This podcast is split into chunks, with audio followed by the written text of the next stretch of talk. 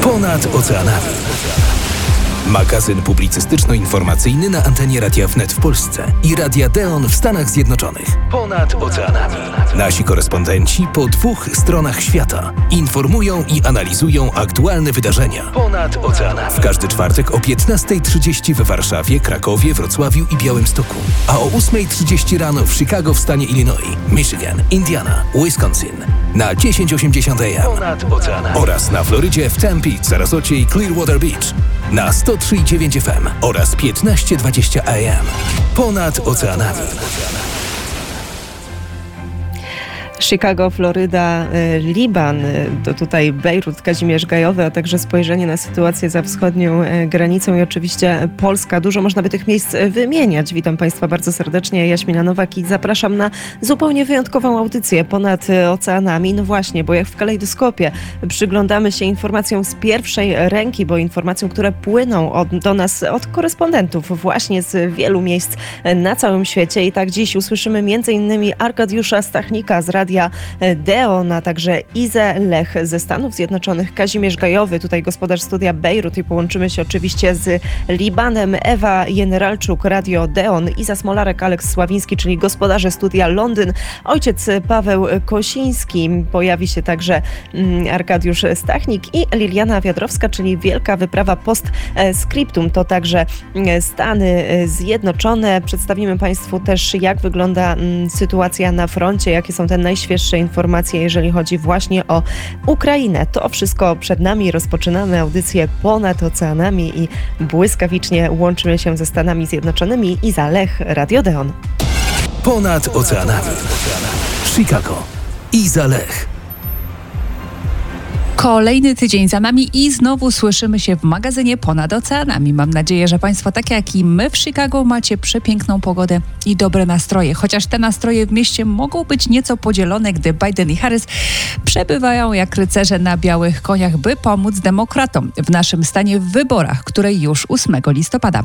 We środę zostało oficjalnie potwierdzone przez Biały Dom, że prezydent Biden odwiedzi nasz stan w piątek, a wiceprezydent Kamala Harris będzie gościć w Chicago już w niedzielę. Biden poprowadzi imprezę skupiającą się na wsparciu obecnych demokratycznych kongresmenów z Chicago, Shona Castina, Lauren Underwood i Billa Fostera, którzy startują w listopadowych wyborach. Personel Białego Domu i członkowie Secret Service byli już w Chicago przygotowując się do ewentualnej wizyty prezydenckiej. Natomiast prawa ręka prezydenta Kamala Harris będzie wspierać demokratów w Wietrznym Mieście w niedzielę.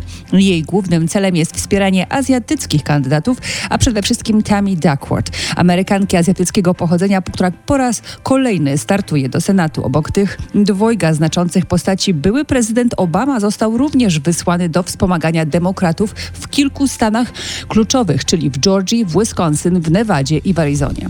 Ale w czasie, gdy najwięksi gracze demokratów pojawiają się w mieście, to właśnie miasto, jak i przedmieścia nadal żyją swoim rytmem, zajmując się swoimi własnymi sprawami i problemami, a tych jak zwykle nie brakuje.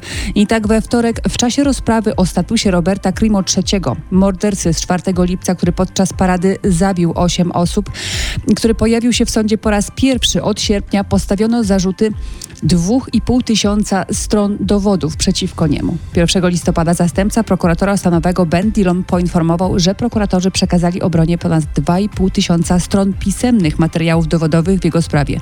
Dokumentom towarzyszą jeszcze nagrania audio i wideo. Adwokat sprawcy Anton Trizna stwierdził, że biorąc pod uwagę ilość materiałów, które muszą być przeczytane i przeanalizowane, również uporządkowane, nie ma sensu wyznaczać kolejnej daty rozprawy. Te wszystkie wiadomości ze studia Radia Deon. Bardzo e, serdecznie dziękujemy i w takim razie, drodzy Państwo, teraz przenosimy się już na Bliski Wschód, bo tam czeka już Kazimierz Gajowy, gospodarz studia Bejrut. Ponad oceanami. Bejrut. Kazimierz Gajowy. No tak, przed chwilą była mowa o białych koniach. No tutaj na Bliskim Wschodzie na takim białym koniu powrócił e, Netanyahu e, po wyborach, które miały miejsce w Izraelu.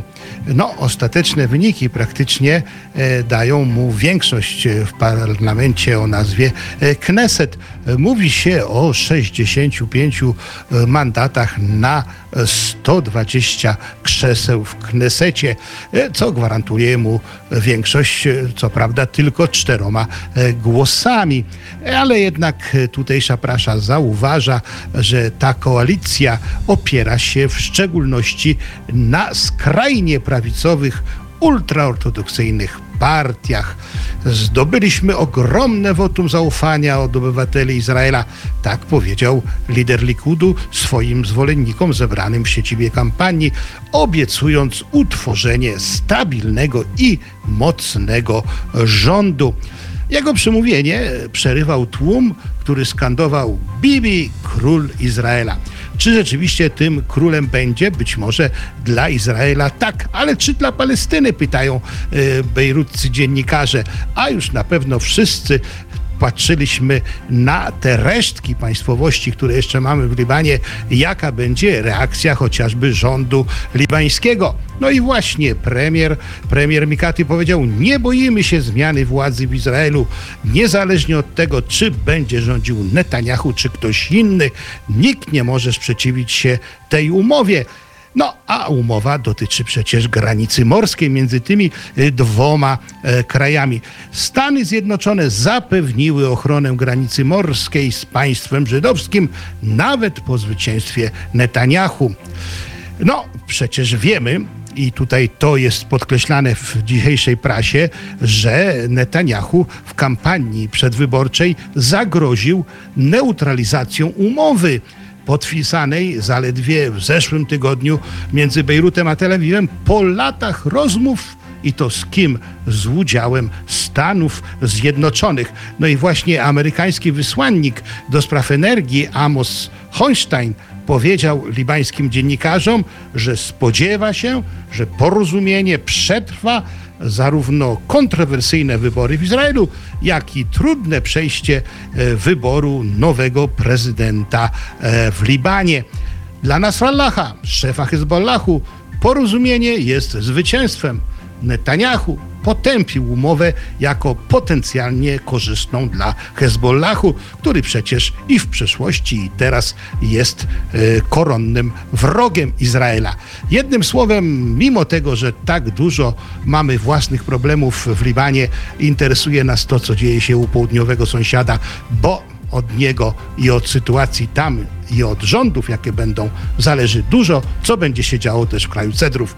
Dla magazynu Ponad Oceanami Kazimierz Gajowy, Bejrut.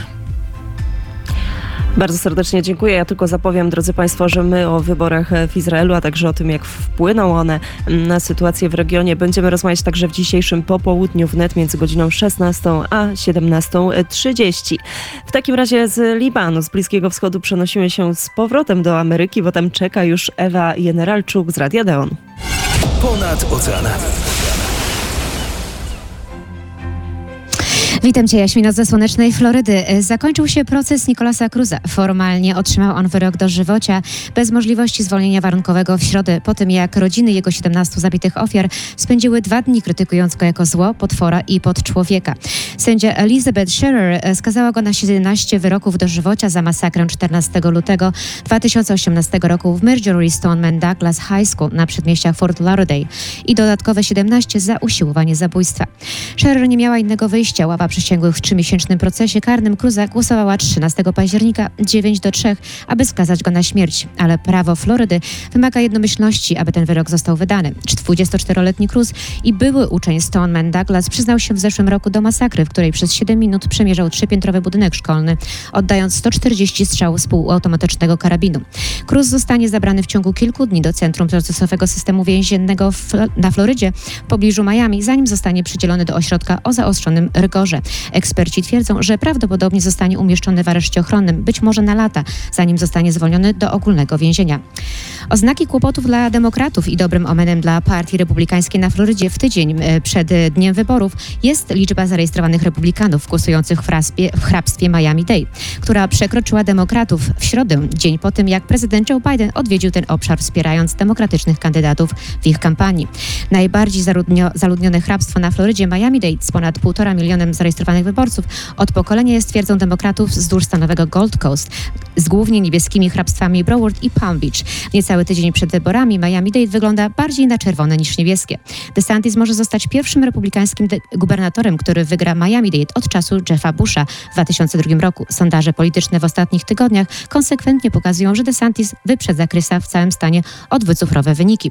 Mieszkańcy Florydy będą potrzebować około 33 miliardów dolarów pomocy nadzwyczajnej od rządu federalnego, gdy stan odzyska siły po zniszczeniach pozostawionych przez huragan Ian, powiedział w środę republikański senator Marco Rubio. Rubio powiedział, że rząd federalny ma do ogarnięcia ważną rolę w odbudowie Florydy. 33 miliardy dolarów to tylko wstępna ocena tego, co będzie potrzebne i ostrzegał, że liczba ta prawdopodobnie wzrośnie. Korpus inżynieryjny armii potrzebuje ponad 12 miliardów dolarów, aby pomóc w naprawie linii brzegowej, pogłębieniu kanałów nawigacyjnych i zwiększenia odporności wybrzeża, powiedział Rubio. Kolejna największa część finansowania, 10 miliardów dolarów, trafiłaby do Federalnej Agencji Zarządzania Kryzysowego, która pomaga rodzinom w tymczasowym zakwaterowaniu, sprzątaniu i pomocy finansowej w celu zaspokojenia krytycznych potrzeb. Departament Rolnictwa potrzebuje prawie 3 miliardy dolarów na pokrycie kosztów związanych z utratą upraw i, ko- i drzew. Kongres stoi przed terminem finansowego rządu w połowie grudnia, dając ustawodawcom doskonałą okazję do włączenia pomocy nadzwyczajnej przed końcem roku. Dla magazynu Ponad Oceanami Ewa Generalczuk, Radio Deon, Floryda. I bardzo serdecznie dziękujemy za te ciekawe informacje prosto z Florydy. Przypominam Państwu, że to jest audycja ponad oceanami. Łączymy się z różnymi punktami na mapie całego e, świata. I tak teraz wędrujemy już do e, Wielkiej Brytanii. Tam czeka już Iza Smolarek i Aleks Sławiński, czyli gospodarze Studia Londyn. Ponad oceanami. Dzień dobry, witamy wszystkich e, ponad oceanami, wszystkich słuchaczy Radia Don, słuchaczy Radia Wnet. No u nas e, miało nie być już więcej e, na temat owiec, ale chyba jednak te owce wracają jak zły duch albo jak bumerang. Owce, czyli nasza rządząca partia torysów, owieczki podążające za swoim przywódcą. No, różnie tutaj się u nas dzieje, natomiast my patrzymy troszeczkę na to wszystko jak na sagę, jak na wielką sagę, ponieważ tak, szczyt klimatyczny czeka już nas wkrótce, za niemal dwa tygodnie. Mm, Szczyt klimatyczny bardzo ważny dla Wiel- Wielkiej Brytanii i oto król Karol III miał wybrać się na ten szczyt i to miała być jego pierwsza oficjalna wizyta zagraniczna, o czym ogłosił wszemi wobec, ponieważ to było niezmiernie istotne. Przy czym bardzo szybko okazało się, że ten Downing Street zakazało mu wyjazdu na szczyt klimatyczny. Miała pojechać Liz Truss. Liz Truss, jak wiadomo, skończyła e, z premierowaniem Wielkiej Brytanii, w związku z czym być może król Karol III miał znowu wsta- wsiąść na to stanowisko. Niestety jednak nie okazało się, że król Karol nie jedzie na, to, na, na ten szczyt klimatyczny. Miał pojechać Rishi Sunak. Bardzo szybko okazało się, że Rishi Sunak nie chce jechać tam, więc kto? Boris Johnson. Teraz okazuje się, że żeby jednak ratować wizerunek partii, jednak Boris Johnson nie jedzie jedzie Rishi Sunak. Można się w tym wszystkim pogubić. No tak, okazuje się, że faktycznie mamy sytuację prawie jak w niektórych amerykańskich serialach, ale mamy również bardzo trudną sytuację na granicy e, brytyjskiej. Okazuje się, że w ciągu ostatniego roku ilość nielegalnych imigrantów wzrosła nam kilkakrotnie. E, Zaledwie w ubiegłym tygodniu miało miejsce atak na właśnie dom e, imigrancki w Dover, e, w czasie którego jeden człowiek rzucił kilkoma bombami paliwowymi połączonymi z fajerwerkami, po czym popełnił samobójstwo. W związku z tym Suella Braverman, nasza minister spraw wewnętrznych, która została odwołana, potem znowu przywołana na swoje stanowisko, przyjechała do tego ośrodka. Co się okazuje? E, Otóż e, w ciągu ostatniego roku zaledwie ilość e, imigrantów z Albanii wzrosła o kilka tysięcy procent. Jeszcze w 2020 roku było ich zaledwie 5-6 tysięcy, teraz mamy ich 12 tysięcy w ciągu 2021 roku. I nie wiadomo ile jeszcze dojedzie do nas w ciągu e, kolejnego roku. Okazuje się, że mm, ta wojna e, taka e, dyplomatyczna trwa z e, Albanią w tym momencie, gdyż właśnie premier Albanii Edi Rama e, oskarżył Wielką Brytanię właśnie o to, że to ona nie dba o swoje sprawy na granicy. Okazuje się, że e, ponad 1% dorosłych Albańczyków przyjechało właśnie do Wielkiej Brytanii. Wszyscy kompletnie nielegalnie. Nie wiem, co się dzieje w tym kraju, ale wygląda na to, że czeka nas bardzo duży kryzys imigracyjny. Tymczasem wracając e, bardzo szybciutko do e, naszej ulubionej partii torysowskiej. Matt Hancock, e, niezmiernie ważna osoba w partii konserwatywnej, podczas pandemii kierował resortem zdrowia. Czy uzdrowił brytyjskie społeczeństwo? Nie do końca to jest pewne. Na, pewnym natomiast jest, że zamierza uzdrowić swoje życie, biorąc udział, uwaga, w kontrowersyjnym reality show I'm a Celebr. To bardzo, bardzo kontrowersyjny program, w którym uczestnicy muszą posuwać się do ekstremalnych zachowań. E, ogląda go tutaj w Wielkiej Brytanii około 12 milionów widzów. E, Matt Hancock zapewnia, że nie mógł nie wziąć udziału w tym programie, ponieważ to jego, uwaga, życiowa szansa. Widocznie życiową szansą nie było bycie w partii torysowskiej. Jednocześnie wycofał się z, e, przewodniczo, z komisji, przewodniczenia Komisji do Spraw Skarbu w parlamencie. Partia konserwatywna zawiesiła go w prawach e, co jednak wyraźnie e, Matowi nie przeszkadza w jego karierze telewizyjnej. E, No zobaczymy go prawdopodobnie, jak będzie ekstremalnie zachowywał się na ekranach. Dla ma- magazynu Ponad Oceanami Iza Smolarek, I Aleks Sławiński. dziękujemy bardzo. I my także dziękujemy. Jak słyszymy, drodzy Państwo, od polityki do świata celebrytów e, jest e, bardzo cienka e, linia. To bardzo ciekawe informacje ze studia Londyn. Ja jak zawsze po więcej odsyłam na portal www.wnet.fm, bo tam wszystkie te podcasty są do znalezienia. A my teraz, drodzy Państwo, łączymy się z ojcem Pawłem Kosińskim z Radia Deon. Ponad oceanami. Witam, witam wszystkich naszych oceanicznych słuchaczy. Dzisiaj chcę powiedzieć o skutkach tego, co Sąd Najwyższy zrobił 24 czerwca tego roku.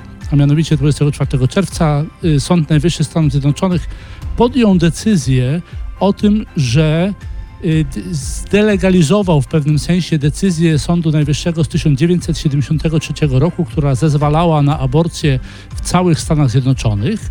I sąd powiedział, że to nie jest tak, że y, to jest prawo federalne i ono teraz zostało wrócone po prostu do poszczególnych stanów. Poszczególne stany będą decydować o tym, jak będzie chronione życie i jak ewentualnie będzie prawnie dopuszczalna aborcja, jeśli. Co się okazuje? Y, Taka y, inicjatywa Society of Family Planning, hashtag WeCount, przeprowadziła taki sondaż wśród ośrodków y, aborcyjnych i tych, które świadczą usługi, jeśli tak można powiedzieć, te aborcyjne. Y, Co się stało po tej decyzji? Otóż okazuje się, że praktycznie miesiąc do miesiąca, a to już upłynęło 4 miesiące prawie, ponad 5 tysięcy aborcji mniej y, jest każdego miesiąca niż to było y, w, w poprzednim y, systemie. Oczywiście w niektórych stanach, e, e, gdzie aborcja była ograniczona albo e, w, pewien sposób jakoś tak bardzo restrykcyjnie potraktowana, praktycznie liczba aborcji spadła do zera. To poniżej 10 jest kilkanaście stanów, gdzie tych aborcji dokonano w ostatnim czasie, w sierpniu dokładnie, kiedy, kiedy to było liczone. Natomiast w niektórych stanach, gdzie aborcja jest dopuszczalna i była dopuszczalna, y, ta liczba się trochę zwiększyła, ale ogólnie można powiedzieć, że y, od tego czasu, czyli od lipca y, tego roku aż do, do, do, do teraz, ta liczba aborcji spada o 6%, czyli to jest ponad 10 tysięcy aborcji ponad 5 tysięcy miesięcznie, y, ponad 10 tysięcy w miesiącach wakacyjnych, lipiec, sierpień. Natomiast to, co jest istotne, to to, że to pokazuje pewien trend i to y, pokazuje też skutek tej ustawy.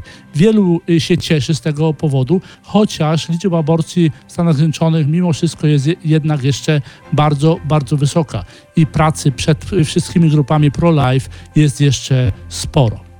Dla magazynu Ponad Oceanami ojciec Paweł Kosiński, jezuita ze studia Radesz y, Deon w Chicago. Dziękujemy za tę informację prosto z Chicago. A teraz, drodzy Państwo, na moment zaglądamy za naszą wschodnią e, granicę. To oczywiście wojna e, na Ukrainie. Mamy już mamy ponad 251 dni, dokładnie 251 dzień inwazji mm, Rosji na Ukrainę. Były prezydent Rosji Dmitrij Miedwiediew umieścił wpis w Telegramie. Postawił tezę, że próba odebrania Rosji zagarniętych terenów Ukrainy będzie przesłanką do użycia broni jądrowej, a winę za to będzie ponosić oczywiście Zachód. Tymczasem ataki Rosji na ukraińską infra- infrastrukturę energetyczną e, cały czas e, trwają. Jak oświadczył we wtorek minister spraw zagranicznych Ukrainy Dmytro Kuleba, te ataki należy traktować jako element ludobójstwa narodu e, ukraińskiego, bo faktycznie już teraz, drodzy Państwo, mówimy o ponad 40% zniszczonej infrastruktury energetycznej, a przecież z każdym dniem, z każdym tygodniem robi się coraz zimniej i to jest ogromny problem, ogromne wyzwanie i, te, i takie widmo klęski humanitarnej właśnie, która na Ukrainie zaraz może się pojawić. Jeszcze dodatkowo mamy kwestię żywności. Przywódca Turcji Recep Erdoğan rozmawiał z prezydentem Rosji Władimirem Putinem o dostawie ukraińskiego zboża na rynki światowe. Putin oskarżył Ukrainę o wykorzystywanie zbożowego korytarza humanitarnego, uwaga, do ataków na flotę czarnomorską. Czasem jak słuchamy narracji mediów e, kremlowskich, to można mieć wrażenie, że żyją oni w zupełnie e, innym świecie i relacjonują zupełnie e, inny przebieg tej wojny. Tymczasem zaglądamy jeszcze na front. Rosyjscy żołnierze opuścili swoje dotychczasowe posterunki w miejscowościach w pobliżu Hersonia na południu Ukrainy. Ponadto z budynku okupacyjnych władz miejskich w Hersoniu zdjęto flagę Rosji, oznajmiła w czwartek agenc- agencja Ukrinform razem z merem miasteczka. I jeszcze pojawił się ciekawy wywiad szefa ukraińskiego wywiadu wojskowego Kryło Budanowa, który stwierdził, uwaga, że Władimir Putin używa już co najmniej trzech sobowtórów, którzy przeszli operacje plastyczne po to, aby wyglądać tak jak on.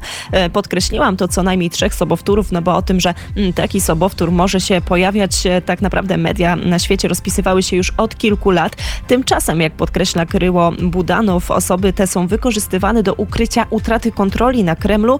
Nie wiadomo, czy prawdziwy Putin nadal istnieje, podkreślił. Jak tłumaczył, Putin w przeszłości nie był idiotą, a tymczasem wojna na Ukrainie nie ma żadnej logiki. Ukraiński rząd jest według szefa e, zaskoczony katastrofalną strategią rosyjskiej inwazji i stąd przypuszczenia, że to może nie Władimir Putin podejmuje kluczowe decyzje. Słuchacie Państwo magazynu Ponad e, Oceanami. W takim razie to były informacje z Ukrainy, a teraz już przenosimy się do Stanów Zjednoczonych. Arkadiusz Stachnik, Radio Deon. Ponad oceanami. Dzień dobry, witam wszystkich. E, Zaczynam od Florydy również. E, Po trzyletniej przerwie SpaceX wystrzelił swoją rakietę Falcon Heavy. Rakieta potrzebowała z Florydy w ramach tajnej misji prowadzonej z siłami kosmicznymi USA. Jest to najpotężniejsza na świecie rakieta operacyjna z dwoma satelitami Space Force i kilkoma mniejszymi satelitami, które wyniesie na orbitę. Space Force, najnowszy oddział amerykańskiej armii, nie podał szczegółów startu. Falcon Heavy została użyta przez siły kosmiczne zaledwie tydzień po tym, jak Rosja zagroziła, że zacznie atakować e, komercyjne firmy satelitarne, które angażują się w wojnę na Ukrainie. Ostatni raz rakietę wystrzelono w czerwcu w 2019 roku. A SpaceX m, potwierdził, że boczne dopalacze rakiet pomyślnie wylądowały po oddzieleniu się od rdzenia na wysokości 47 mil nad ziemią, zanim ten spadł z powrotem na ziemię z prędkością ponad m, dźwiękową. Warto m, przypomnieć, że SpaceX do tej pory przekazało około 20 tysięcy satelitów Starlink, aby wesprzeć Ukrainę w wojnę z Rosją poprzez zapewnienie skutecznej komunikacji komunikacji żołnierzom na liniach frontu. A Elon Musk, najbogatszy człowiek na świecie, sfinalizował umowę kupna Twittera w wartości 44 miliardów dolarów, co postanowiło go, postawiło go na czele jednej z najbardziej wpływowych platform mediów społecznościowych. Swoje rządy rozpoczął od zwolnień. Musk zwolnił dyrektora generalnego Parega Agrowala i dwóch innych dyrektorów według dwóch osób zaznajomionych z decyzją. Zamknięcie umowy nastąpiło po miesiącach walki. Po początkowej zgodzie na zakup firmy w kwietniu Musk starał się wycofać się z umowy. Najpierw powołując się na obawy dotyczące liczby różnego rodzaju problemów na platformie, a później zarzuty podniesione przez y, informatora właśnie y, firmy. A dzięki y, sfinalizowaniu umowy mm, Musk i Twitter uniknęli procesu, który pierwotnie miał się odbyć na początku tego miesiąca. I na koniec ym, o wyborach, zbliżających się wyborach. Biały Dom potwierdził, że prezydent Joe Biden odwiedzi Illinois, a wiceprezydent y, Kamala Harris będzie również gościć w Chicago. Wizyty zaplanowano przed wtorkowym głosowaniem w połowie kadencji, by poparły demokratycznych kandydatów. Biden, którego notowania są ostatnio bardzo niskie, był we wtorek na mm, Florydzie, prowadząc kampanię na rzecz kandydata demokratów na gubernatora Charlie Christa. W czwartek Biden jedzie do Albuquerque w Nowym Meksyku, a w Wigilię wyborów do Kolumbii w stanie Maryland na wiec wyborczy Demokratycznego Komitetu Narodowego. Do tego tematu, do innych będziemy jeszcze wracać. Dla magazynu Ponad Oceanami Arkadiusz Stachnik.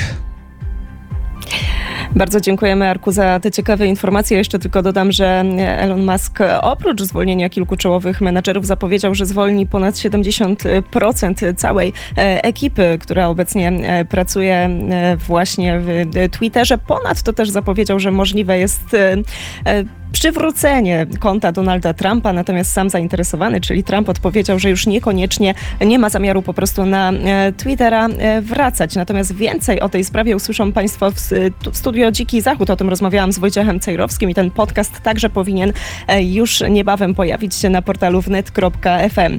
E, W takim razie, drodzy Państwo, teraz czas na Lilianę Wiadrowską, czyli na wielką wyprawę postscriptum. Ponad oceanami.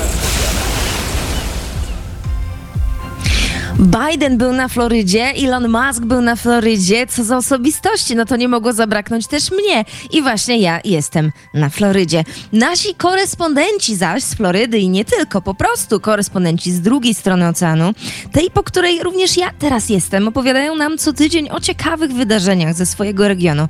Ale nie mówią, że słońce Florydy jest tak intensywne, że oparzeń słonecznych można dostać nawet w cieniu. Nie malują nam obrazów luksusowych willi w Miami, gdzie mieszkają milionerzy, aktorzy, piosenkarze. Nie skarżą się na czające się w krzakach ich domów czarne, siwe i nawet czerwone wdowy, węże i aligatory. Nie chwalą się też, że mogą codziennie wjechać na 31 piętro drapacza chmur w Miami i zażywając kąpieli w basenie podziwiać zapierający tych w piersiach widok nocnego filmowego miasta. No i wreszcie nie opowiadają też o dziwacznych nagłówkach floryckich gazet, gdzie Florida Man, człowiek zazwyczaj pod wpływem narkotyków, dokonuje dziwacznych przestępstw, takich jak wrzucenie aligatora do restauracji, w której komuś coś się nie spodobało, gra w koszykówkę nago, czy jazda samochodem z dmuchanym basenikiem na dachu, w którym kąpią się małe dzieci. A przecież właśnie to jest dla naszych korespondentów codziennością. Dla magazynu Ponad Oceanami Liliana Wiadrowska, Radio Wnet, ale teraz Floryda.